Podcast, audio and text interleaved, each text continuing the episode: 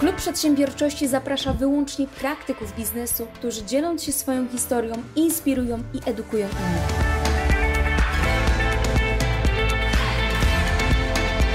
Od moich gości chcę dowiedzieć się, jakie działania, a także jaki sposób myślenia powoduje, że dotarli na sam szczyt w swojej dziedzinie. Nazywam się Olga Palka i zabieram Cię razem ze mną w świat biznesu, gdzie docieram do źródła ludzkiego sukcesu. Cześć, witaj w nowym odcinku na kanale Klubu Przedsiębiorczości. Dzisiaj ze mną właściciel 11 otwartych hoteli, ale takich niezwykłych hoteli, ponieważ usytuowanych na Zanzibarze, Wojtek Zanzibaru, Wojtek Żawiński. Witam serdecznie, słuchajcie. Wojtku, przede wszystkim się bardzo cieszę, że złapałam Cię w Polsce, natomiast na Zanzibarze się jeszcze zobaczymy, na pewno. E, natomiast y, zaczęłabym od Twojej historii, bo ona jest szczególna. Zaczynałeś w korporacji, później przeprowadziłeś się za granicę do Barcelony, na Gran Canaria i w trakcie swojego urlopu no trochę inaczej niż zwykły Polak, nie leżałeś na leżaku przy basenie, wiesz, z drinkiem, z palemką, tylko zacząłeś e, spacerować i podczas spaceru no, kupiłeś nieruchomość, tak? No, tak to mniej więcej wyglądało rzeczywiście, bo jakby założycie miałem szwendacza i jakby podróżowałem po świecie i mieszkałem po świecie, tak naprawdę, bo właśnie tak jak wspomniałaś, mieszkałem najpierw e, pod Barceloną, potem mieszkałem na Gran Canaria, dlatego, że pod Barceloną było mi za zimno, od listopada do powiedzmy marca jest jednak chłodno, potem się przeniosłem na Gran Canaria, a Potem pojechałem na wakacje na Zanzibar. No i tak właściwie od tego się zaczęło, że rzeczywiście idąc plażą zobaczyłem dom, ocean uderzał w taras i się okazało, że jest do sprzedania. No i całe szczęście do sprzedania miał to Polak. Dlatego, że mój angielski nigdy nie był mocny. W związku z tym e, komunikacja okazała się perfekcyjna, tym bardziej, że e, skontaktowałem się z nim od razu, bo dostałem numer telefonu. Okazało się, że jest w Polsce, powiedział bierz go w diabły. E, 10 lat go temu zbudowałem, 3 miesiące w nim byłem, po prostu go weź. Nie ma problemu, sprzedaję ci go, cena taka i taka, Cena była bardzo dobra. Ja jeszcze od razu wspomniałem, że nie mam takich pieniędzy w tej chwili w ogóle. Ja mówię, sobie, mówię jestem nieprzygotowany, bo nie ukrywam, że to jest bardzo spontaniczne. Mówi, nie ma problemu, dogadamy się na raty. Jak chcesz, tak zrobimy. Przyjeżdżaj do Polski, przyjedziesz, to wszystko e, załatwimy. No i rzeczywiście tak się stało. Ja poleciałem e, z powrotem do Polski już po urlopie, no bo w tym czasie e, jeszcze sobie posprawdzałem, wszystko ogarniałem. Wszyscy znajomi patrzyli, którzy ze mną przyjechali wtedy jeszcze, patrzyli na to tak z dużym dystansem, a nawet było tak, że koleżanka do mnie tak spojrzała, mówi, Masaja sobie taką figurkę przewieźć, może magnesik, mówi, ale dom, mówi dom z wakacji, czy ty jesteś nienormalny? Mówi, zobacz jak to jest daleko. A jeszcze było to tak śmiesznie, że podczas lotu e, z Polski do Zanzibaru, leciałem wtedy e, Emirates, Emiratesem, e, ten lot trwał 20 parę godzin e, i koleżanka właśnie ta, która się ze mnie śmiała, w samolocie do mnie powiedziała, ja lecąc na Zanzibar, mówi, ja coś czuję, że to będziesz ten Zanzibar latał kilkanaście razy przynajmniej. I ja wtedy mówię do niej, tyle czasu lotu. Czy ty oszalałaś? Mówię, to jest pierwszy raz chyba i ostatni. Ja mówię, tak chciałem ten Zanzibar zobaczyć. Ja mówię, ale tyle godzin w samolocie, nie, nie, nie, nie. I potem tak naprawdę jej słowa stały się tak naprawdę e, historią, bo do dzisiaj się ona z tego śmieje, ja się też z tego śmieję, że to właśnie ona wywróżyła to, że e, ja coś zacznę robić na Zanzibarze, a była największym oponentem wtedy na tym Zanzibarze, jak zobaczyła, co ja wyrabiam z tym domem. No ale życie pokazuje, że jednak tak się historia może zacząć i to całkiem niezła. I uważaj, co mówisz na głos, bo potem się może to tak, obrócić w rzeczywistość. Dokładnie, dokładnie tak. No słuchaj, teraz tak, tak myślę, co ja mówiłam w samolocie, jak latałam do, do niektórych osób, e, także, ale Wojtek, no to dobra, okej, okay, no to kupiłeś tą nieruchomość, no ale Słuchaj, no możesz sobie kupić nieruchomość, mieszkać w niej, ale ty zburzyłeś ten dom i wybudowałeś w miejscu tego domu, no pensjonat. E, tak, od tego się to wszystko zaczęło, że, e, no bo to było tak rzeczywiście, że był taki dom, cztery sypialnie, łazienka jedna i kuchnia. E, no ale usytuowanie tego przede wszystkim no, wymagało według mnie od razu jakby czegokolwiek zrobienia z tym domem. Druga rzecz, e, no nie stać mi było na to, żeby zbudować sobie dom nad oceanem i po prostu mieć jako rezydencję, na którą gdzieś tam polecę raz na pół roku. To, to zupełnie nie wchodziło w rachubę. E, ze względu na moje środki po prostu musiały te, musiał ten dom pracować. Więc żeby mógł pracować, musiałem go wyremontować. Jak go zacząłem remontować, to go właściwie rozebrałem. No i tak rzeczywiście powstał Pili Pili House, mój pierwszy hotel na Zanzibarze, który z czterech pokoi, jednej łazienki i kuchni stał się e, sześcioma pokojami z łazienkami, do tego restauracją e, i jeszcze powiększona została strefa ogrodowa, bo dokupiłem od sąsiadów tam jeszcze kawałki ziemi dookoła. No i tak właśnie powstał Pili Pili House. No i od tego zaczęła się cała moja historia na Zanzibarze. Ale remontowałeś to oczywiście niezdalnie, bo jak znalazłeś w ogóle ekipę, która ci to remontowała? To jest jakby całkiem złożona historia, bo to przede wszystkim było tak, że jak mieszkałem na Gran Canaria, chciałem coś, cokolwiek działać na Gran Canaria, też chciałem jakąś działalność poczyniać.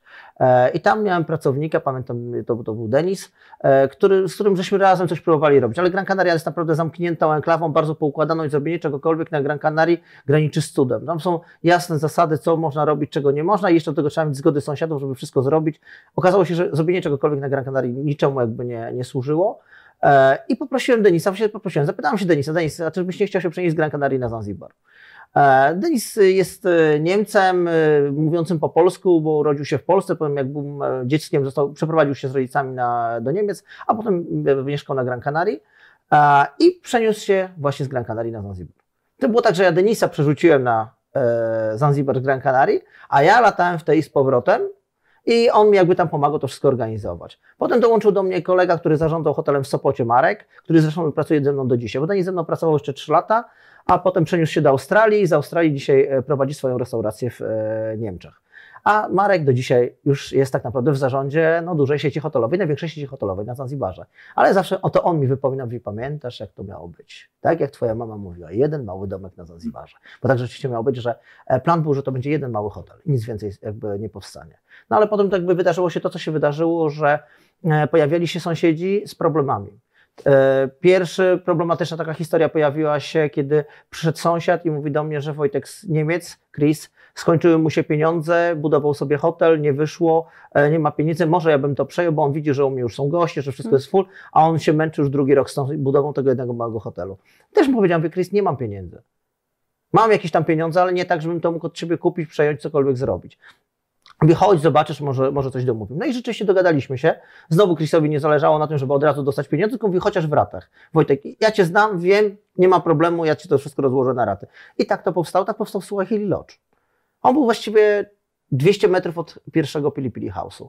Potem pojawiła się następna nieruchomość, następna nieruchomość. Gdzieś tam ludzie mieli, mieli problemy, mieli majątek typu nieruchomość do sprzedania, ale musieli jakby dostać jakiekolwiek zaliczki i tym podobne rzeczy. Ja byłem gotowy zapłacić tą zaliczkę, zaryzykować nawet czasami, bo to najczęściej zaliczki na Zanzibarze były płacone przeze mnie po prostu na zeszyt. Najnormalniej w świecie, tak? Przychodził, powiedział, że potrzebuje, ma ziemię, ok, to spisywaliśmy sobie tak trzech zdaniach, bo mój angielski słaby, ich angielski słaby, więc trzeba było to naprawdę bardzo uprościć. Więc żeśmy malowali działkę na zeszycie, e, pisaliśmy ile mniej więcej ma metrów, tam szliśmy z miarką, on za, za tyle sprzedajemy, do tego dnia taka pieniądze, takie pieniądze, do tego takie pieniądze, żeśmy sobie tam podpisywali, robiliśmy zdjęcia, i tyle, tak? No ja dawałem pieniądze i tak to szło. Potem szła, sprawa szła do prawników już prawnicy jakby organizowali już te konkretne umowy e, finalne do, do sprzedaży nieruchomości. No, jakby moja współpraca z lokalną społecznością na Zanzibarze jest bardzo dobra. W związku z tym wszyscy, którzy e, gdzieś tam mają cokolwiek i chcą coś sprzedać, e, przychodzą do mnie, bo wiedzą, że nawet to, że ja dzisiaj nie zapłacę całości, ale e, zobowiążę się, że zapłacę to w ratach, to ja to zrobię. Więc oni wolą to zrobić ze mną, niż rozmawiać z dziesiątkami innych osób, które przychodzą, oglądają.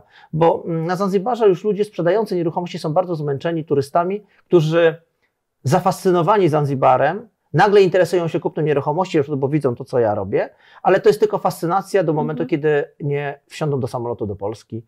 Wtedy się pojawia szara rzeczywistość, odcinają się od tych wszystkich negocjacji i właśnie nawet nie odbierają telefonów. I to jest najczęściej. Dlatego już na Zanzibarze jest tak, że jak ktoś yy, interesuje się nieruchomością, to pierwsze pytanie jest, ale od kiedy ty tutaj jesteś, co tutaj zrobiłeś? Mhm. Bo już wiedzą, że to jest tak naprawdę trochę zawracanie głowy, negocjacje, które trwają kupę czasu, a finalnie do niczego nie dochodzi. Więc wolą ze mną to zrobić, kiedy po prostu dzwonią, Wojtek, już nie chcę już oglądać żadnych obcokrajowców, czy to Polaków, czy innych, którzy do mnie przychodzą i zawracają głowę, tylko po prostu wolę to zrobić z tobą. Powiedz, jak ty chcesz to zrobić, ja też się na to wszystko zgodzę. No i tak to robimy. Ale tak od początku było, bo wiesz, postawiłeś ten pensjonat pierwszy, Pili Pili House. Tak. No i co? I nie było jakichś sprzeciwów ludności, no bo ty masz bardzo blisko, wiesz, zabudowę właśnie z lokalsami, nie? Ja mam bardzo blisko zabudowę z lokalsami, ale ja bardzo dobrze żyję z lokalsami. E, lokal... Lokalni ludzie na Zanzibarze są bardzo serdeczni, są bardzo pomocni. Oni tylko czekają tak naprawdę na sygnał z naszej strony. My, nas, którzy przyjechaliśmy na Zanzibar, czy my się do nich uśmiechniemy, czy przyjęli powiemy, powiemy habari, dzień dobry i tym podobne rzeczy. Jeżeli my to zrobimy, to oni otwierają serce automatycznie. Mhm. Bo zazwyczaj e, przyjezdni tacy jak my, no mówiąc brzydko biali, mają nos do góry. E, ja byłem wdzięczny tej społeczności za to, że od samego początku była dla mnie otwarta. Jeżeli ja cokolwiek potrzebowałem, to sąsiedzi właśnie przychodzili i nam pomagali. Ja pamiętam, kopaliśmy basen pod, w Suach, do dla Suahili Lodża i, i nie przyjechała ekipa kopiąca e, dół pod basen, a potrzeba było, bo za chwileczkę beton już przyjeżdżał, żeby można było wylewać basen, to co zrobili sąsiedzi się zebrali wszyscy dookoła, nawet dzieci były staczkami i wszyscy kopali ten basen. Wystarczyło rzucić hasło i sąsiedzi przyszli. Oczywiście ja wszystkim zapłaciłem, ale nie było problemu. To nie było tak, że e, nie ma kogo prosić, tylko wszyscy bardzo chętnie, nie ma problemu. No, pamiętam nawet dzieci właśnie z taczkami przychodziły i każdy tam wziął po wiaderku, nawet, ale wyciągali ten piasek. Więc naprawdę serdeczność na Zanzibarze ludzi jest ogromna. Nie należy się bać w ogóle lokalnej społeczności, a wręcz odwrotnie, to w naszym jakby sercu i w naszym jakby zachowaniu jest to, Mhm. co my e, jakby otworzymy się na nich i wtedy oni automatycznie to oddają. Nie ma problemu. Bo wspominałeś Wojtek o ratach, a posiłkowałeś się jakimkolwiek kredytem? Nie. Nie. Czy Nie, wszystko nie, nie. reinwestowałeś? Nie, no, wszystko to jakby ja, ja mam tą dobrą sytuację, że nie mam wspólników. Działam sam. W związku z tym e, tylko moje koszty życia obciążają, że tak powiem, moją działalność. A że ja akurat nie jestem, że tak powiem, dość wysublimowany w swoim, że tak powiem, funkcjonowaniu, e, te osoby, które obserwują mój portal społecznościowy, to wiedzą, że ja na to prowadzałem po swoim mieszkaniu. Ja mam mieszkanie, gdzie nie mam okien. Tak jak tutaj jesteśmy w pomieszczeniu, gdzie są szyby, ja nie mam szyb. Ja mieszkam nad oceanem, na, e, w obiekcie hotelowym Uchuru, e, nad szkołą nurkową na pierwszym piętrze. Mam przepiękny taras, mam ogromny salon, ale ja nie mam szyb, nie mam niczego. Ja nie mam klimatyzacji, nawet nie mam wiatraków. Ale nie dlatego, że jestem, że tak powiem, oszczędny, tylko dlatego, że mam to, co lubię. Po prostu tak lubię. Mam przewiew po prostu dookoła we wszystkich pokojach. E, pościel u mnie to tak fruwa. No bo wiatr do oceanu za chwilę, co chwileczkę jakby daje sygnał, że jest. W związku z tym moje potrzeby kosztowe są niskie. W związku z tym jak każdy pieniądz zarobiony inwestuję w pili-pili. Y, Też y, nigdy nie wychodziłem z założenia, że należy y, zarobione pieniądze gdzieś chować gdzieś na boku i tym podobne rzeczy. Pili Pili to jest moje życie. W związku z tym wszystkie zarobione pieniądze inwestuję w to. W związku z tym im więcej wzrasta zyskowność Pili Pili, tym bardziej mogę opłacać kolejne raty do kolejnych osób kupując od nich nieruchomości. Część nieruchomości oczywiście wynajmuję, bo taka jest prawda. Połowę nieruchomości wynajmuję, albo to od lokalnych osób, albo od nawet y, zagranicznych, które są właścicielami nieruchomości. Mam trzy nieruchomości, które dzierżawię od i nawet budowałem je dla funduszu inwestycyjnego z Dubaju. E, bo jakby zawiązaliśmy w pewnym momencie współpracę, zobaczyli jak ja działam i się pojawili u mnie, żeby, żeby zacząć współpracować. A połowę nieruchomości po prostu kupowałem sobie na rat. I tak to wygląda, że tak się rozwija dzisiaj Pili-Pili, że tak naprawdę połowa nieruchomości jest moich własnych, a połowa jest właśnie rzeczywiście e, od osób pozyskiwanych e, w sposób ratalny. A jak ściągnąłeś pierwszych gości tam do siebie? E, Moja historia właściwie wiąże się cały czas z portalem społecznościowym, z Facebookiem. Od tego to się wszystko zaczęło. Jak zaczynałem remont domu i rozbiórkę tego domu, założyłem Facebooka. On się wtedy nazywał Polacy na Zanzibarze. I zaczęły się pojawiać osoby, które zaczęły mnie obserwować. Ja po prostu zacząłem robić taką transmisję bezpośrednią z tego, jak się buduje hotel na Zanzibarze. Po prostu. Ściągaliśmy dach, robiliśmy z tego zdjęcia, wszystko po kolei. Tak to wyglądało. I tak to się zawiązało. E, I pierwsi goście pojawili się wtedy, gdy zaczęli mnie pytać, no dobra, już widzimy, że tam ten hotel, kiedy będzie można u Ciebie te pokoje? No i ja wtedy mówię, no tak, wow, trzeba zacząć e, sprzedawać pokoje. Przyjąłem datę otwarcia i tak to się zaczęło. Ja zacząłem, moje, mój marketing cały, sprzedaż polega tak naprawdę przez pozyskiwanie gości przez Facebooka. Ja dzisiaj nie mam e, innego źródła typu jakieś biura podróży, pośrednicy, nie działam w ogóle z nikim. Totalnie działam sam w taki sposób, że jest dzisiaj już dział rezerwacji w Polsce, no, który tam zatrudnia ponad chyba 15 osób i tym podobne rzeczy, ale wszyscy goście tak naprawdę nie, nie prowadzę żadnej innej kampanii reklamowej, nic takiego, poza tym, co po prostu robię na Facebooku. I tak to się zaczęło od pierwszych gości, którzy jakby pierwsi pytali o pokoje, zanim już wybudowałem e, Pili Pili House'a i on rzeczywiście na otwarcie miał full booking i miał ten full booking na pół roku z góry. I tak jest do dzisiaj, że House e, w ogóle ma takie sentymentalne jakby podejście gości, bo House jest zawsze zabukowany w tej chwili do końca roku. A mamy maj. A mamy maj. E, w innych obiektach tak nie jest. W innych obiektach jest tak, że do końca września mam full booking. Potem mam październik, listopad, gru, e, połowa grudnia mam tak, że mam 60-70% właśnie e, gości, a 40% jeszcze jest wolne. To właśnie dlatego jest jakaś tam w tej chwili promocja nawet na, na, na okres jesienny. Ale już od 15 grudnia mamy znowu full booking do końca, do końca lutego. I to są też hotele, które są dzisiaj w trakcie budowy. No, ja jakby zawsze tak robię, że e, z 3-4 miesięcznym wyprzedzeniem zaczynam sprzedawać pokoje w obiektach, które są w trakcie budowy. Czyli otwierają się 10 lipca obiekty i to będzie 5 obiektów kolejnych, bo z 11 zrobi się 16 i one już mają pełne obłożenie tak naprawdę do 10 lipca. No, tak to dzisiaj wygląda. E, tak samo z samolotami. No, startowaliśmy 18 października z jednym charterem co dwa tygodnie, potem w grudniu były co tydzień w styczniu. Wróciliśmy do tego systemu dwutygodniowego i od, e, tak, teraz tak naprawdę od końca czerwca startujemy z trzema lotami jednocześnie, więc będą leciały trzy samoloty do Pilipili. No, zmieniamy jakby też ilość gości, no bo dzisiaj mamy 257 miejsc noclegowych, a wchodzimy w czerwcu na 611 miejsc noclegowych. Finalnie to, co się dzisiaj buduje, to, co jest dzisiaj zaprojektowane albo zaczyna się budować, to będzie razem około prawie 3000 ludzi. A jak długo trwa lot teraz? Lot trwa dokładnie 9,5 godziny. Mamy przerwę w Hurgadzie, godzinną, techniczną i jakby w tej z powrotem jest taka przerwa. W związku z tym no, same, samego lotu razem z tą przerwą jest 9,5 godziny. Także no, to jest kwestia kto jak lubi latać. Ja tak nie mogę latać, jakby, dlatego że moje samoloty latają co dwa tygodnie, więc nie mogę wyjechać, jak jestem dzisiaj w Polsce, ja nie mogę latać moimi czarterami, bo zniknąłbym moim gościom, że tak powiem, na dwa tygodnie. W związku z tym te osoby, które przyleciały teraz parę dni temu, przez całe dwa tygodnie by mnie nie, ma, nie miały. A ja jestem związany z moimi gośćmi, w związku z tym ja wylatuję tak, żeby z jednymi gośćmi nie być 3-4 dni i z kolejnymi gośćmi, którzy akurat w tym czasie przylecą, też nie być 3-4 dni, czy nie mam mnie na tydzień, nikt nie jest pokrzywdzony. Z każdym się mogę spotkać. No właśnie, nawet widziałam w tej twojej ofercie, wrzucałeś bodajże dzisiaj albo wczoraj mhm. w nocy, że tam oczywiście oferta cała all inclusive i kolacja z Wojtkiem. Tak, to jest bardzo podstawowe. Ja mam nawet dyżury, że tak powiem, kiedy jestem na pewno z gośćmi, bo to jest tak, że goście, jeżeli są u nas na Zanzibarze, to na pewno chcą się ze mną spotkać, e, więc są to albo kolacje organizowane w hotelach, ale z uwagi na to, że dzisiaj 11 hoteli, to jest to dość jakby mało wykonalne. To się trochę najesz, ale ty lubisz jeść. tak, ale to, żeby rzeczywiście te spotkania miały taki charakter swobodny, żeby nie trzeba było patrzeć na zegarek, to robimy to tak, że w części hotelach jestem rzeczywiście zaproszony, wtedy jest jadę na kolację,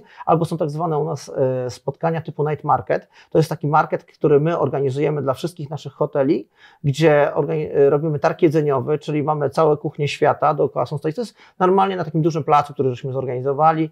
E, razem z muzyką, ze wszystkim, to co jest jakby e, kwintesencją Zanzibaru i ja jestem wtedy, tak zwaną zawsze śmieję, że mam dyżur, wtedy jestem, wtedy robimy sobie zdjęcia, wtedy rozmawiamy, ja mam wtedy na to przeznaczone na powiedzmy 4 godziny, chodzę sobie i goście się ze mną spotykają, mam możliwość porozmawiania, zrobienia sobie zdjęć i tym podobne rzeczy.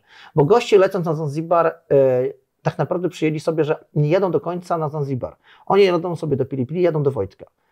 I to jest troszeczkę inny sposób spędzania czasu. My nie jesteśmy biurem podróży, to jakby zawsze podkreślam. My nie jesteśmy biurem podróży, to są hotele Wojtka, e, to jest e, to, co ja sobie poukładałem w życiu jakby, i jak to ma wyglądać. To są zupełnie o innym charakterze hotele. E, nie mamy dużych hoteli typu 300 pokoi. Wszędzie można się porozumieć po polsku. Są menadżerowie, którzy mówią po polsku, nawet lokalni, którzy mówią dobrze po polsku.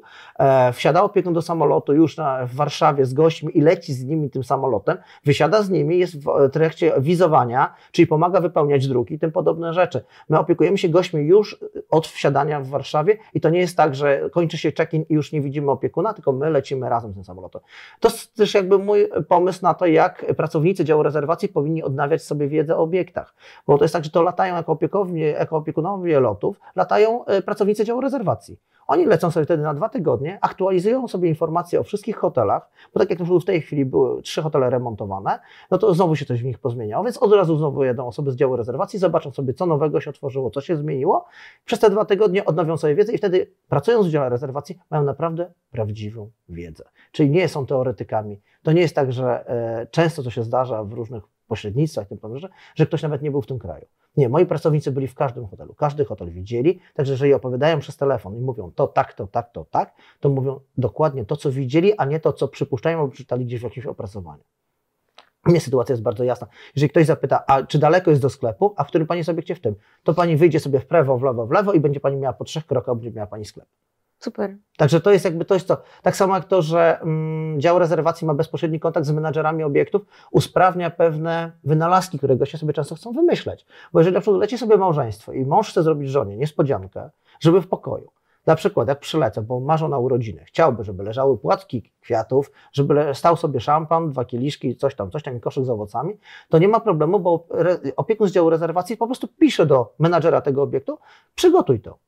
W biurach podróży to nie jest możliwe, bo w biurach podróży to się idzie dopiero do menadżera w hotelu i się mówi, chciałbym zrobić taką niespodziankę, a jeśli tak nie mówimy po angielsku, to już w ogóle nic sobie nie poradzimy.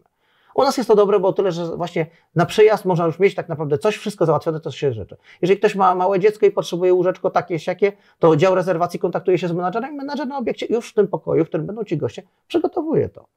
Więc ta komunikacja u nas jest zupełnie inna. To jest też tak, jak e, wprowadzono w grudniu obostrzenia, że osoby przylatujące w poniedziałek, tak jak nasz charter przylatywał w poniedziałek, wchodzą automatycznie w kwarantannę.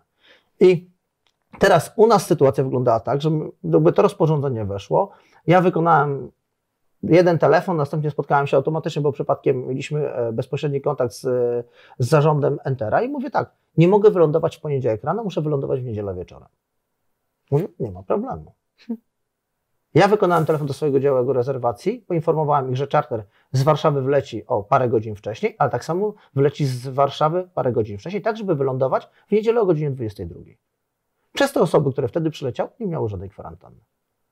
Coś, co w dużych organizacjach jest niemożliwe. Nawet proponowałem, mówię, weźcie, zadzwońcie do, do, do, do zarządu Entera, mówię, słuchajcie, zadzwońcie może do, e, do osób w tam Itacy, czy tam innych biurach podróży, żeby też to zrobili, bo zawsze ten, no, to nie jest do zorganizowania. Ty wykonujesz jeden telefon, bo to są moje hotele, mój transport, moje wszystko, więc ja nie muszę 100 osób organizować, tylko ja zadzwoniłem do jednej i mówię, Agnieszka, przesuwamy check-out gości z hotelu, nie będą wyjeżdżali do przodu godzinie 15, tylko muszą wyjechać o tej i o tej godzinie parę godzin wcześniej, tak żeby, żeby wylądowali już sobie w Polsce o godzinie 22.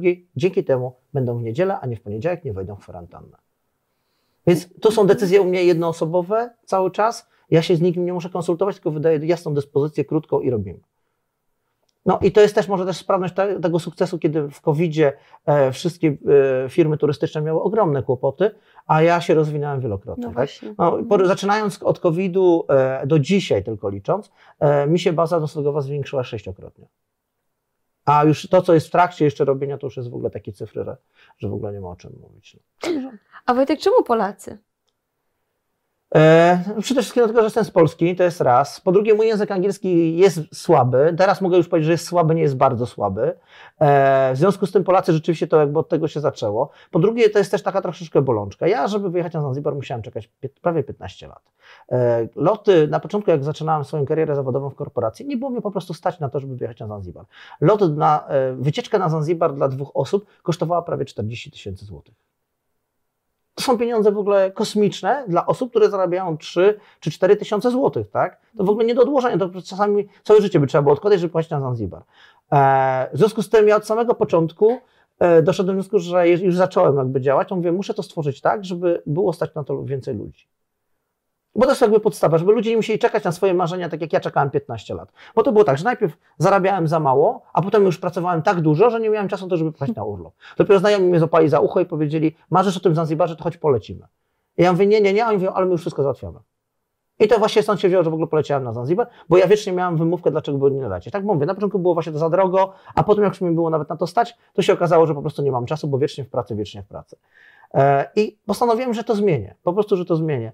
E, I tak jakby nawet nie, nie wypominając, czasami śmieję, że e, troszeczkę stworzyłem Lidla na Zanzibarze, bo daje produkt w bardzo dobrej jakości, ale w przystępnej cenie. I wydaje mi się, że w ogóle na tym jest też sukces, żeby nie budować produktów premium. Oczywiście, że są osoby, to nawet u mnie są hotele premium.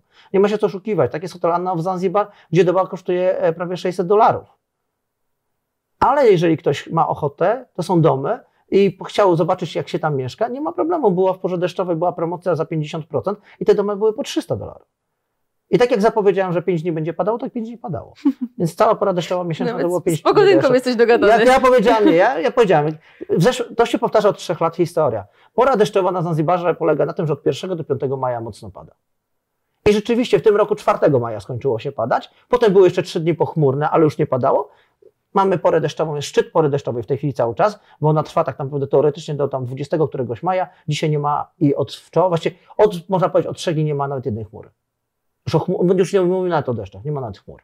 W związku z tym ja zrobiłem tę promocję, bo ja lubię, żeby hotele pracowały, chociażby na swoje koszty. Niech pracują, ale niech pracują. E, jestem jedynym, który utrzymał swoje czartery w Polsce przez okres pory deszczowej, bo wszystkie biura podróży zatrzymały swoje loty i czekają dopiero na końcówkę czerwca, żeby zacząć na nowo latać na Zanzibar. I latam cały czas. Ale ja mam full samoloty. Jak nawet potrzebowałem wczoraj uzyskać bilety na wylot 23 maja, czyli za parę dni, e, to niestety mój dział rezerwacji mi odmówił, bo powiedział, że no, no nie mamy. No. Wojtek, nie mamy. Mamy nawet o dwa miejsca w tej chwili sprzedane więcej, ale wiemy dlaczego, więc nie ma problemu. Ale mówi, no, no nie, nie, na ten moment nie ma takiej opcji. No. Więc w związku z tym nawet się okazuje, że w porze deszczowej można, e, można zarabiać. Tak? Może mniej, może coś, ale można. E, w związku z tym ja zawsze wychodziłem z założenia, że produkt musi być dobry, tak jak ja stawiam bardzo mocno na kuchnię, bardzo mocno stawiam na pracowników, na jakość i to wszystko, ale to nie musi być cena taka kosmiczna. Może zróbmy więcej tych lotów, może tak jak właśnie wymyśliłem sobie z czarterami. Jestem pierwszą siecią hotelową na świecie, która ma swoją, e, swoją umowę czarterową.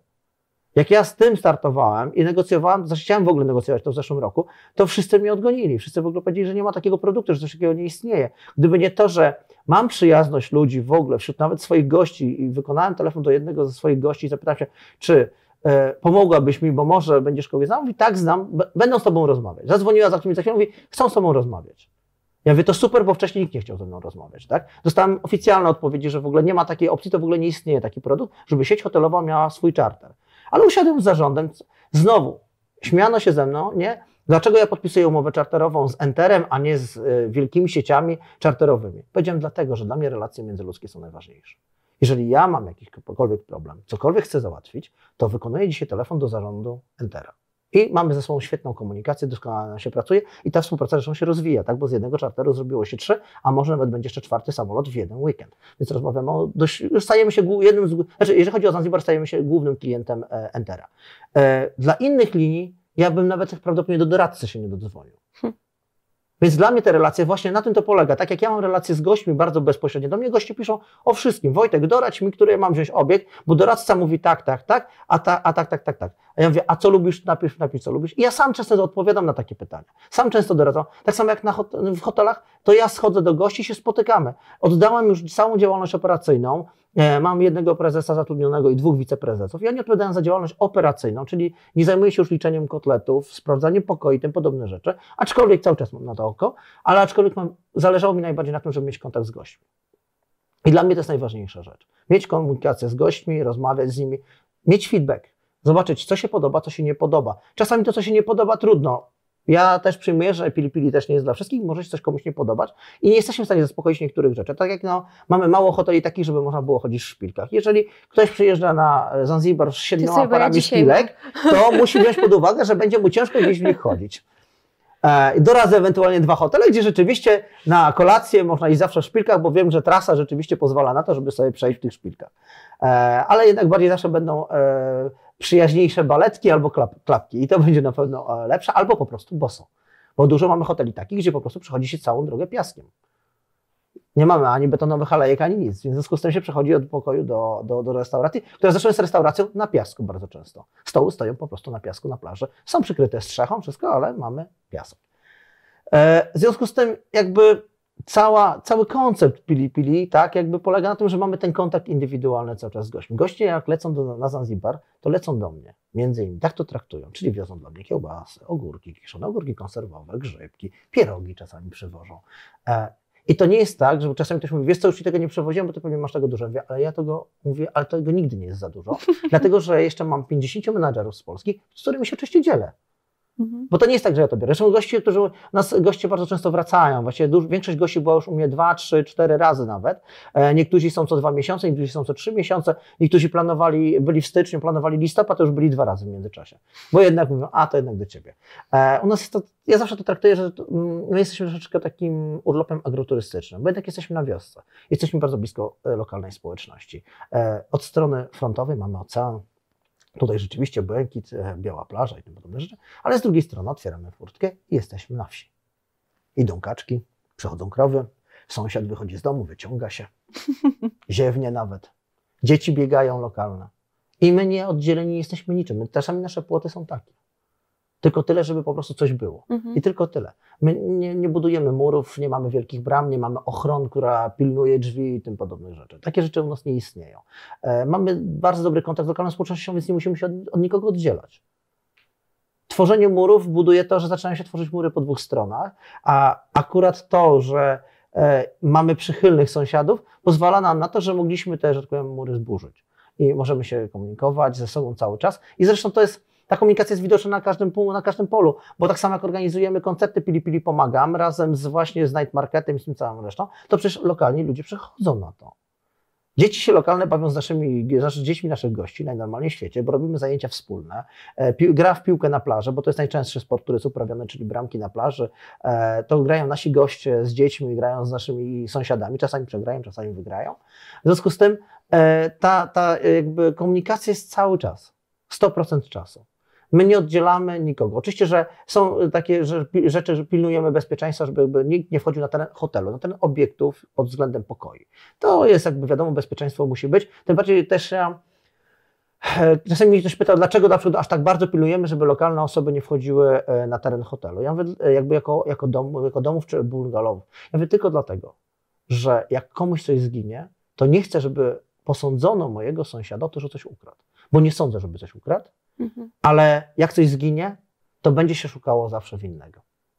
Ja wychodzę z założenia, że jak się kogoś nie złapało za rękę, to nie można go oskarżyć o kradzież. Ale ludzie mają różnie. W związku z tym wolę, żeby nie było dwuznacznych sytuacji. Jest jednoznaczna sytuacja, każdy ma zamykany pokój, ma sejfik, ma wszystko w pokojach i jeszcze tam nikt nie może wchodzić poza obsługą, że tak powiem, sprzątającą. E, I, ale jeżeli chodzi już o restaurację, o inne rzeczy, to przecież na nasze imprezy, na nasze dyskoteki, które organizujemy, zresztą beach party, e, przychodzą lokalni ludzie. Kto opłaci bilecik, wchodzi i jest. Po prostu. I bawimy się wszyscy razem. Moja obsługa po zakończeniu pracy zostaje na wszystkich imprezach i najnormalniej w świecie bawi się razem z gośćmi. Co zresztą widać, bo wszyscy moi goście nie kryją tego, jaką mają integrację z moimi pracownikami, przecież wymieniają Facebooki ze sobą, e, cały czas ze sobą piszą, mają kontakt po powrocie do Polski. To jest jakby takie przyjaźnie, że e, czasami jest ryk, czasami jest płacz przy pożegnaniach, e, tak samo przy powitaniach, bo też trzeba wziąć pod uwagę to, że Zanzibarczycy mają fenomenalną pamięć do ludzi. My nie pamiętamy, kto jak się nazywa i kto co robił. Oni mają fenomenalną pamięć. E, Takim przykładem było to, kiedy jeden z moich kapitanów, e, którzy mamy takie łodzie ngalawy, to są te takie rdzenne, zanzibarskie łodzie, katamarany wykonane z drewna, e, spotkał taką jedną panią, która u nas była, no i mówi do niej, że no cześć, fajnie, że się mówię, pamiętam, pamiętam jak byłeś dwa lata temu. No i ona tam mówi, no, ściema, ściema. A ja mówię, mówię, nie ściema, zaraz zobaczysz. A on mówi do niej, mówię, a jak ta twoja noga, gdzieś wtedy tam wchodziła? Pamiętam, że się mówię, mocno wywróciłaś, jak wchodziłaś do łodzi, potem ci pomagałaś wchodzić. A tak patrzę na niego, mówię, ale jak? No mówi, no pamiętam, pamiętam, mówię, mówię, jak wchodziłaś na tą łódkę, się wywróciłaś jeszcze, mówi, coś tam, coś tam. Mówi, naprawdę mnie pamiętasz? No mówi, no pewnie. Monika jesteś. no i tak było. Więc jakby e, oni mają naprawdę doskonałą pamięć i druga rzecz, to mają doskonałą umiejętność uczenia się języków. Na Zanzibarze bardzo dużo ludzi mówi w tej chwili w języku polskim, lokalnych ludzi i uczą się tego nie w szkołach. Z YouTube'a, mhm. z filmów, Film Miś znają bardzo dobrze, bajki polskie znają bardzo dobrze, stamtąd się uczą języka polskiego.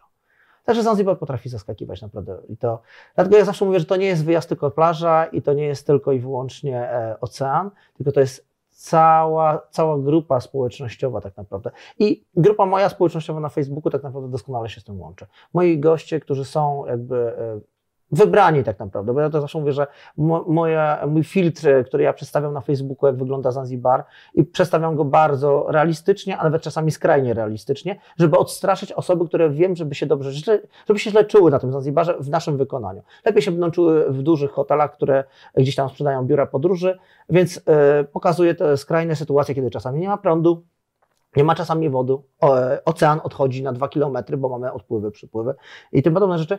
Pokazuje to te rzeczy, które mogą komuś przeszkadzać i jak już je pozna, to wtedy rzeczywiście jego wybór jest taki, że naprawdę tu chce przyjechać. I wtedy też, też osoba, która będzie doskonale korelowała sobie z lokalną społecznością. Nie będzie się bała, bo mam gości, którzy przyjeżdżają, na przykład byli wcześniej w jakiejś Kenii, czy tam na przykład w Etiopii i tam byli nauczeni, że nie należy wychodzić na ulicę, że należy się bać, e, że jeżeli wychodzimy z hotelu, to tylko w obecności ochrony, albo jak wyjeżdżamy samochodem, bo wjeżdżamy, to sprawdzają nam lustrem, czy nam ktoś bombę nie podłożył. I ja z takimi gośćmi najczęściej w cudzysłowie mam problem, dlatego że wtedy tych gości muszę wziąć i mówię, chodźcie, idziemy na wioskę. Ja mówię, nie Wojtek, nie, nie, to jest niebezpieczne. Ja mówię, nie, nie, nie, chodźcie. Jak ja z nimi pójdę raz, pójdę z nimi drugi raz, to potem nagle się okazuje, że już sami chodzą, robią zakupy, przemieszczają się, w ogóle nie ma problemu. Mówią, Wojtek, Zanzibar jest naprawdę inny. To jest inny, jest po prostu bezpieczny. I to jest, to jest chyba najważniejsza rzecz. To jest to, co marketingowo nam bardzo pomaga, bezpieczeństwo na Zanzibarze, że ludzie nie muszą siedzieć w zamkniętych e, murach, bo jeżeli siedzą w zamkniętych murach, w zamkniętych hotelach, to dla nich już nie robi różnicy, gdzie oni będą. Czy będą w Turcji, czy będą w Egipcie, czy będą w Grecji. Nie robi różnicy, bo są po prostu zamknięci. Więc Zanzibar tak naprawdę też tylko byłaby szkoda pieniędzy, tak naprawdę, że ktoś ma siedzieć w zamkniętym hotelu. Jeżeli może wyjść na zewnątrz, czyli może spotkać się z lokalną społecznością, to jest ta wartość dodana, która pozwala w ogóle wybrać ten kierunek turystyczny. Jak tak tego opowiadasz, to jest tak wszystko fajnie, wiesz, sielankowo, raj na ziemi, nie, poukładane, mhm. ale ja się doszukałam informacji, że ty studiowałeś turystykę i rekreację. Tak. I teraz y, z osoby, która pracowała w korpo, Jak ty to sobie wszystko poukładałeś? Chodzi mi pod kątem modelowania biznesowego, no bo wiesz, ty, wszystko wiedziałeś, że wiesz, zrobiłeś działa, zrobiłeś działa. Jak to, jak dochodziłeś do tego momentu, który masz teraz? Ze mną sytuacja jest zupełnie złożona. E, Przede wszystkim pracowałem w korpo e, i to pracowałem w bankowości. E, Potem zajmowałem się tematem bardzo trudnym w Polsce, restrukturyzacją przedsiębiorstw. I to taką bardzo poważną restrukturyzacją przedsiębiorstw. E, Zajmowałem się e, firmami, gdzie trzeba było czasami zwolnić 500 osób i 300 osób. E, Zajmowałem się nadzorowaniem upadłości. E, W związku z tym miałem tematy bardzo trudne, które prowadziłem, ale tam też się nauczyłem, nauczyłem się, jakie błędy ludzie popełniają przy prowadzeniu przede wszystkim swoich przedsiębiorstw. I to właściwie mnie nauczyło. Bo to, że skończyłem turystyki i hotelarstwo jako drugi fakultet poza bankowością, to w ogóle e, to, to jest komedia, bo o tym to mi przypomniała moja mama dwa i pół roku temu, jak robiła porządki w moich dokumentach i znalazła dyplom z turystyki. Bo ja to robiłem jako drugi fakultet i ja tym w ogóle zapomniałem. To w ogóle było śmieszne, bo mama do mnie mówi, sąsiad, ty kończyłeś turystykę i hotelarstwo. Mówię, co ty gadasz? No wiecie, no ja mam 45 lat, więc ja mam prawo mieć dziurę. Mama mówi, ale naprawdę, ja mówię, ja mówię, Jezu, ja miałem przecież to mówię te drugie, ja mówię, studia, rzeczywiście, ja mówię, kończyłem turystykę i hotelarstwo. I rzeczywiście kończyłem zarządzanie przedsiębiorstwami hotelarskimi i gastronomicznymi, ale nigdy w tym zawodzie nie pracowałem, to było po prostu hobbystycznie. E, e, ja podszedłem do tego bardzo pragmatycznie. Do, do Pili Pili zawsze podchodzę bardzo pragmatycznie. Przede wszystkim realizuję swoje marzenia. Drugie, niweluję wszystkie rzeczy, które mnie denerwowały podczas podróżowania na świecie. E, pierwsza sprawa, nauka języka angielskiego. Mój angielski był słaby, ja mówię po niemiecku, e, więc w związku z tym musiałem stworzyć obiekt, w którym osoby, które nie mówią po angielsku, będą się dobrze czuły. Więc to była moja podstawa. I wiedziałem, że to jakby e, jest bolączką wielu osób, bo wiele osób chciało zwiedzać świat. Ale e, granica językowa powoduje też, że tego nie robią. No bo jeżeli ktoś na przykład nie mówi w języku angielskim, ma teraz pojechać sobie nie do resortu, tylko chciałby pojechać poznać prawdziwą Azję, to nie ma takiej możliwości. Jeżeli chce poznać prawdziwą Afrykę, nie ma takiej możliwości, bo może pojechać sobie do hotelu, rzeczywiście, biura turystycznego i siedzieć zamknięty w tym hotelu. Ale jak wyjdzie na zewnątrz, to ma stracha. U nas tego nie ma. Nie na każdym, każdym kroku jest ten język polski. To było, to, było, to, to było takie moje od początku.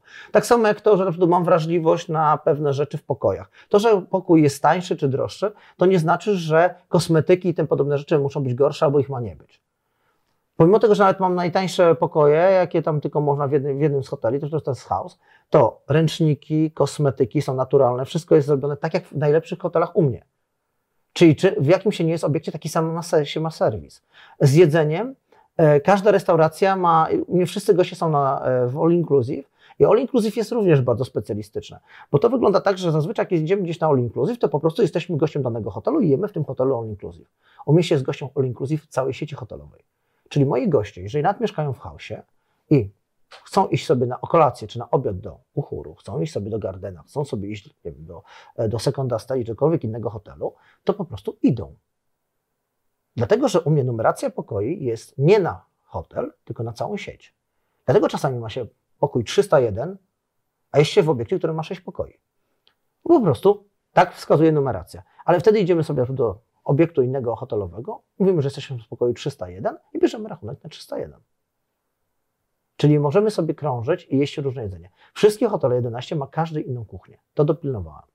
I czyli mamy urozmaicenie, możemy sobie zmieniać miejsce, coś czego nie ma w innych hotelach. I dla- dlatego ja też jakby oferuję zupełnie inny sposób spędzania czasu, zupełnie inny sposób e, turystyki. Dlatego ja zawsze mówię, że nie jesteśmy biurem podróży, ale też nie jesteśmy survivalem, bo jakby nie, nie oferuję ludziom jedzenia, że tak powiem, robaczków i życia e, pod słońcem i pod księżycem z paniem, tylko chcemy, ja chcę zaoferować coś pośrodku. Kiedy nie chcemy już mieć tego biura podróży, nie chcemy być odizolowani od lokalnej społeczności, ale jeszcze nie stać nas na takiego psychicznego hardcora, czyli szukamy środkowego, środkowego formatu. I ten format ja zaproponowałem sobie, go wymyśliłem i go tak funkcjonuje. I szczerze mówiąc, to jest format, pod którym ja, ja e, podróżuję. Bo jeżeli ja podróżuję po świecie, to generalnie w hotelach śpię tylko w Polsce. Na całym świecie zawsze wynajmuję pokoje, w, czy tam mieszkania w budynkach mieszkalnych. Uwielbiam mieszkać w Barcelonie, kiedy po prostu wynajmuję sobie mieszkanie w Barcelonie w kamienicy i idę ze śmieciami, spotykam sąsiadkę, Hiszpankę, e, schodzę na dół sobie do jakiejś tam kawiarni, wypijam kawę z Hiszpanami, pomimo, że właśnie mój angielski jest słaby, to się zawsze dogadamy, nie ma problemu. I tak samo robię na całym świecie. I tak samo chcę, żeby moi goście nie byli odizolowani od świata zewnętrznego, tylko żeby mieli ten kontakt z lokalnymi ludźmi, żeby poczuli, gdzie są. Żeby nie było tak, że za dwa lata, jak zobaczą sobie zdjęcie, to nie wiedzą, gdzie byli. Bo to jest dla mnie wyznacznik. Jeżeli goście zrobią sobie zdjęcie i za dwa lata powiedzą, to jest Zanzibar, bo byliśmy w Pili Pili, to znaczy, że byli tam, gdzie powinni być. A jeżeli będą mieli dalej zdjęcie z aperolem na tle basenu i nie będą wiedzieli, gdzie byli, będą musieli szukać, co lokalizacja w komórce pokazuje, to znaczy, że to żadna pamiątka, że to były żadne wakacje. To wtedy właściwie nie wiadomo, po, po co wydawać pieniądze na Zanzibar, jak można polecieć sobie gdzieś taniej, obojętnie jaki to nie będzie kraj, ale taniej, skoro to wszystkie wakacje są takie same. Więc ja oferuję format środkowy. Ile tak trzeba sobie przygotować e, pieniędzy? Powiedzieli, że ten w chaosie jest najtańszy Tak. nocleg. Mhm.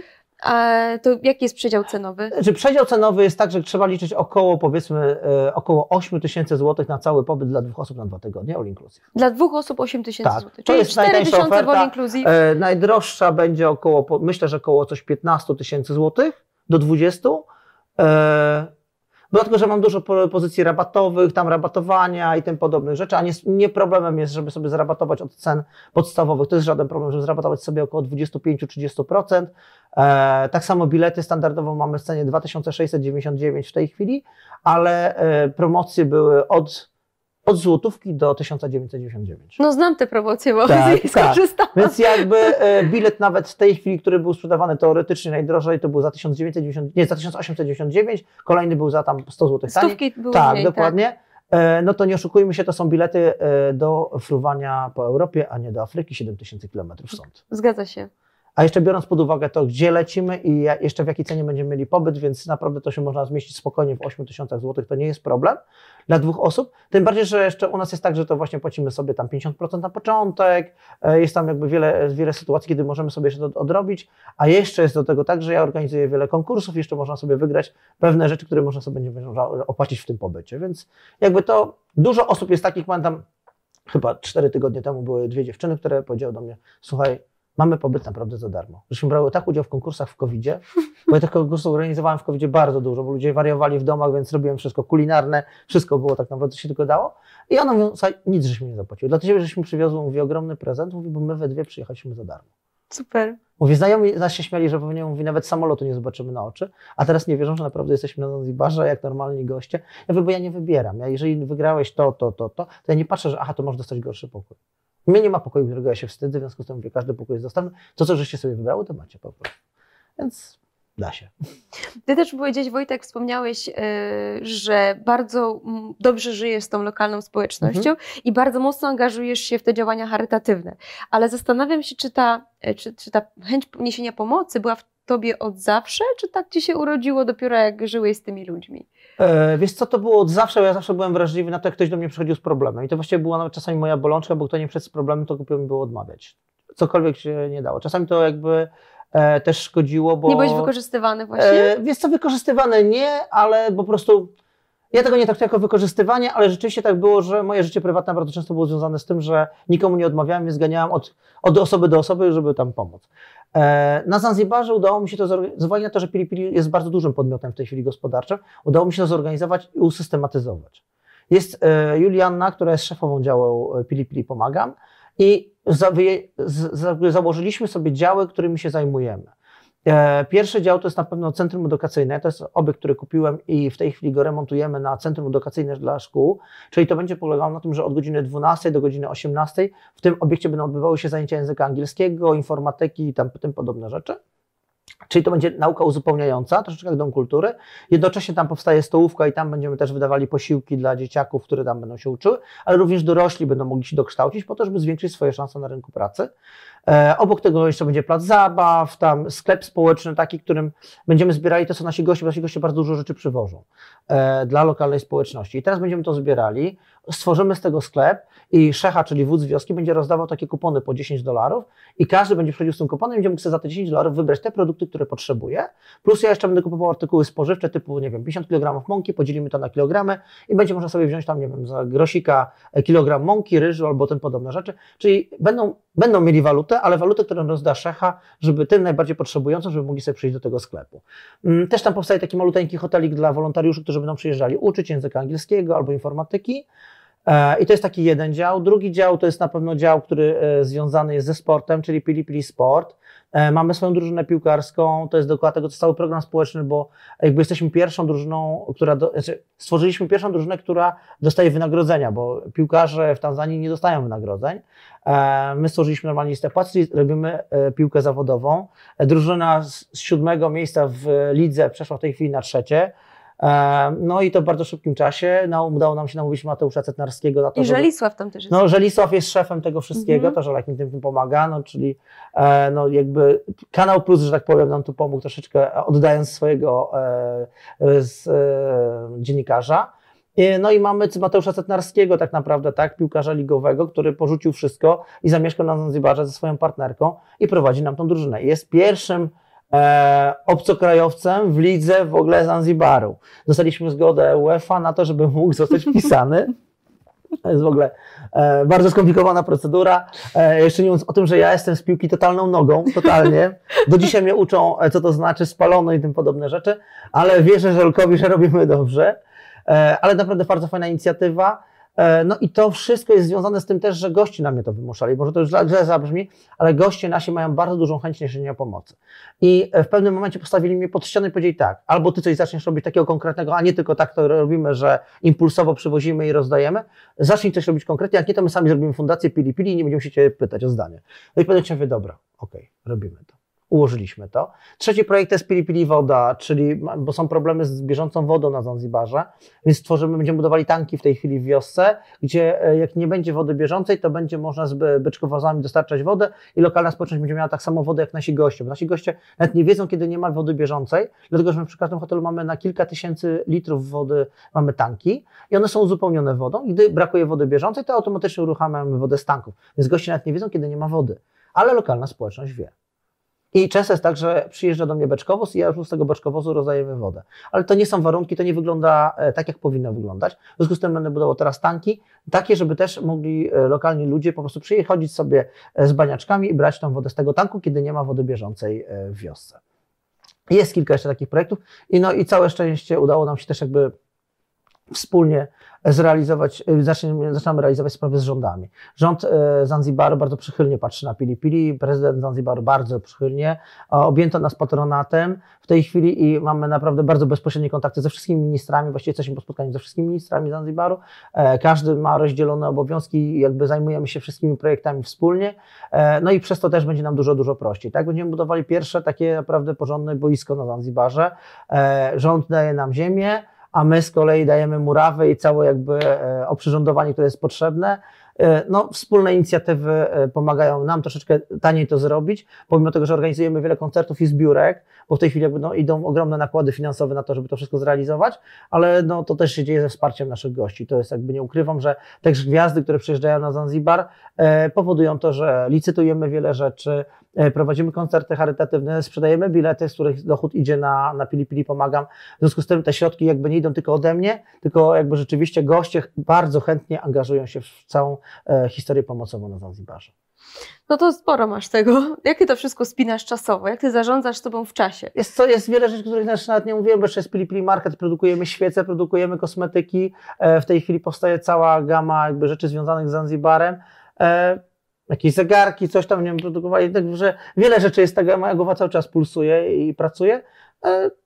Ja to lubię, to jest hobby, ja nie pracuję tak naprawdę, nie mam pracy. Ja dzisiaj jestem hobbystą, pasjonatem, Mm, oddałem działalność operacyjną, czyli to, co mnie trochę mniej interesowało, bo bardziej mnie interesuje to, jak coś ma wyglądać, jaki ma być styl, jak ma być prowadzone, jakie ma być menu, bo jestem fanem e, kulinarii. I to są rzeczy, które rzeczywiście są dla mnie bardzo ważne, ale już nie lubię tej takiej działalności typowo operacyjnej tak naprawdę. Więc jakby od tego się odsunąłem, a zajmę się tym, co najbardziej lubię, czyli właśnie goście, promowanie marki, programy e, społeczne. To są rzeczy, które rzeczywiście powodują, że e, ja się czuję jak ryba w wodzie i wtedy to jestem otwarty na wszystko. A ile osób zatrudniasz? E, W tej chwili lokalnej społeczności zatrudniamy w- na Zanzibarze 620 osób na dzień dzisiejszy, ale to za chwileczkę wzrośnie, no bo otwierają się nowe Tak. hotele, czyli pewnie gdzieś podejrzewam, że za jakieś dwa miesiące to będzie też około 1000 osób. E, 50 osób mamy Polaków, którzy pracują na Zanzibarze ze mną. E, No a w Polsce to jest chyba coś około też 30-40 osób, jakby to jest biuro, dział inwestycji i tym podobne rzeczy, dział rezerwacji. Także no, no jest, troszkę tego jest, ale da się. Ale masz dobre osoby, które zarządzają. Wiadomo, że im Genialne. więcej ludzi, tym wiesz, więcej problemów. E, Pili Pili e, ściągnęło do siebie odpukać, no można powiedzieć, dzięki COVID-owi e, genialne osoby. Osoby, które generalnie myślę, że nie myślałyby o takich ruchach, e, żeby wyjechać na Zanzibar, ale były troszeczkę zmęczone COVID-em, były zmęczone historiami maseczek, tym podobnych rzeczy. Były zmęczone tym, że co chwilę coś się zamyka, otwiera. E, Mam w tej chwili ośmiu e, najlepszych kucharzy z Polski, którzy są. Mam finalistów e, Top Szefa u siebie.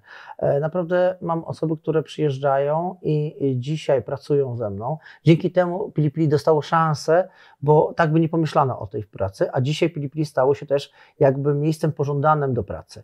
Dzisiaj dokument, że się pracowało w Pili Pili otwiera wiele furtek. Jak zaczynałem, to było odwrotnie, to ja musiałem zawalczać, przekonywać i tym podobne rzeczy. Dzisiaj dostajemy 20-30 CV dziennie od osób, które naprawdę to są nazwiska znaczące w Polsce, ale już nawet nie mamy takiej potrzeby, bo też poszerzamy gamę zatrudnienia lokalnych ludzi na Zanzibarze. E, Otwieramy szkołę języka polskiego dla naszych pracowników, żeby tworzyć im ścieżkę kariery, tylko dlatego, żeby pokazać, że lokalni ludzie mają wszystkie zalety, które tylko możemy mieć, nawet człowiek z Polski, tylko nie mają umiejętności języka polskiego, a to jest dla nas bardzo ważne, bo w komunikacji z gośćmi. Więc jakby te dwie rzeczy, jak praca na komputerze i język polski, doszlifowujemy i idziemy w tej chwili w kierunku awansu. W tej chwili mamy sytuację przewrotną, bo mamy już głównych menadżerów lokalnych, a ich zastępcami są Polacy. Także e, to jest mój projekt, który sobie jakby organizuję od półtora miesiąca. To jest Pili Pili Work i to jest program, który mi podlega bezpośrednio. I ja to ustawiam, bo ja chcę, żeby menadżerami rzeczywiście zostawali e, ludzie, którzy są Zanzibarczykami, żeby zarabiali tak, jak Polacy zarabiali. Co jest bardzo też już przewrotne na Zanzibarze, bo jednak było tak, że e, no, pensje na Zanzibarze są bardzo niskie. Pensja podstawowa to jest od 150 do 250 dolarów. Pensje menadżerskie to są pensje powyżej 1000 dolarów. I lokalni pracownicy nie dostawali pensji powyżej 1000 dolarów, tylko zarabiali maksymalnie po 500 dolarów, jak byli menadżerami. U mnie zarabiają tak jak Polacy.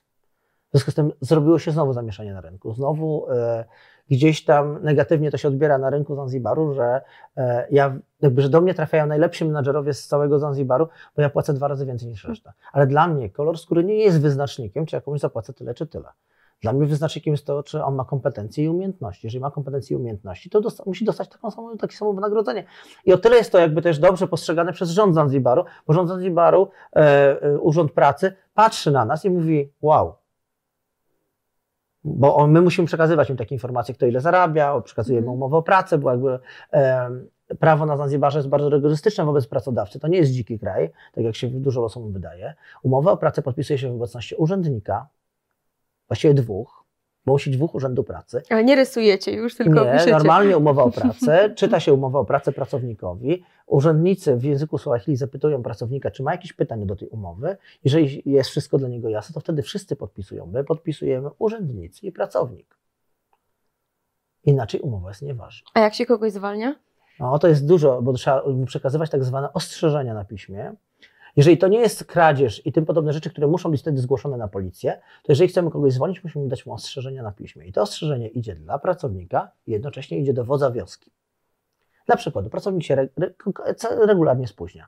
Więc dajemy mu ostrzeżenie, że się spóźnia. I musimy wysłać to jednocześnie, dać do ręki e, do, do szechy, czyli do wodza wioski, który wzywa tego pracownika i go ostrzega. Wie pan, ty będziesz się spóźniał, zwolnią cię.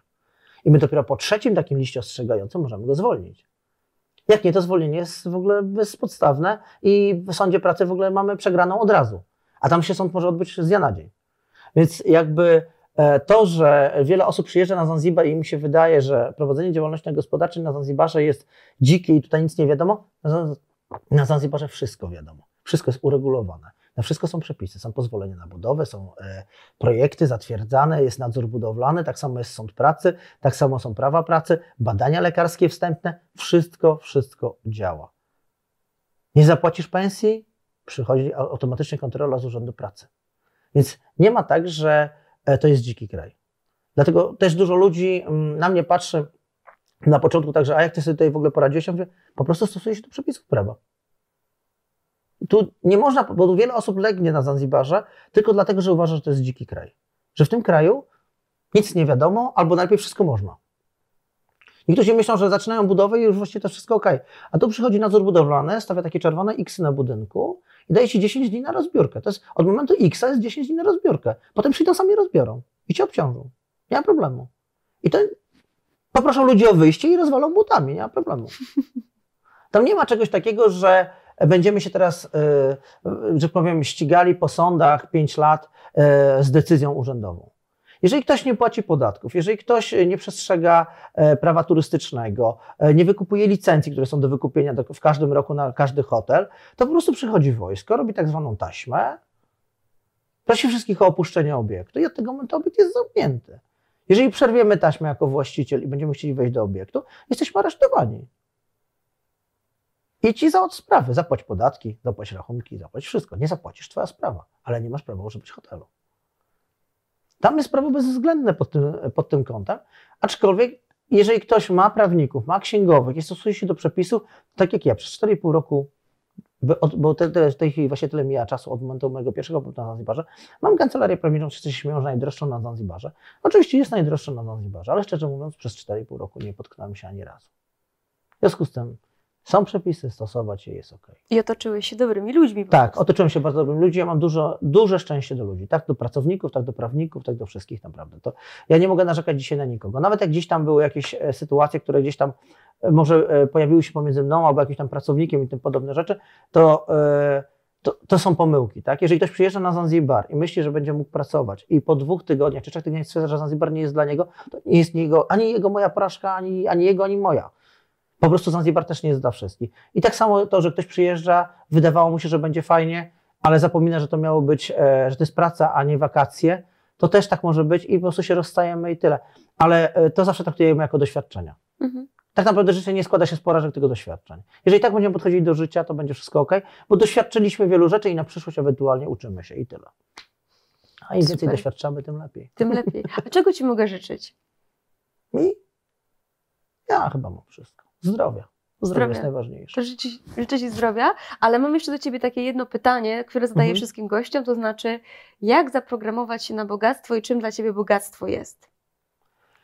Dla mnie bogactwo to na Zanzibarze jest przede wszystkim to co, e, to, co mnie otacza, czyli ludzie przede wszystkim. Ja jakby nigdy nie, nigdy nie byłem związany z rzeczami. E, nigdy nie miałem e, skłonności do jakichś tam marek, do bogatych, złotych klamek tym podobne rzeczy. Wszyscy się śmieją, proszę bardzo, zegarek. Właściciel 11 hoteli ma mieszkanie bez okien, bez e, klimatyzacji i jeszcze używam zegarka Swatch, który jest taki kolorowy po prostu. I to nie dlatego, że, że powiem sknerze. Naprawdę nie sknerze. Po prostu mam to, co lubię. I dla mnie to jest całe bogactwo. To jest to, że mogę wyjść na plażę, to, że mogę sobie ugotować to, co lubię. Mam wspaniałych ludzi dookoła siebie kocham różnorodność. To jest chyba to jest największe bogactwo, różnorodność ludzi. E, na, w Pili Pili poznaję ludzi, którzy wykonują różne zawody, mają różne mentalności, różne oczekiwania od życia. Czasami cały czas mnie życie zaskakuje. Pili Pili tak mnie życie zaskakuje, że ja poznaję ludzi, którzy nagle mi mówią o tym, czym się zajmują. Ja aż muszę wygooglać, sprawdzić, czy w ogóle coś takiego naprawdę istnieje, w ogóle, czy to w ogóle ludzie mogą z tego żyć. Tak, mogą z tego żyć. Naprawdę e, to jest chyba bogactwo osobowości, tak naprawdę. A to, czy my mamy złote klamki, złote zegarki.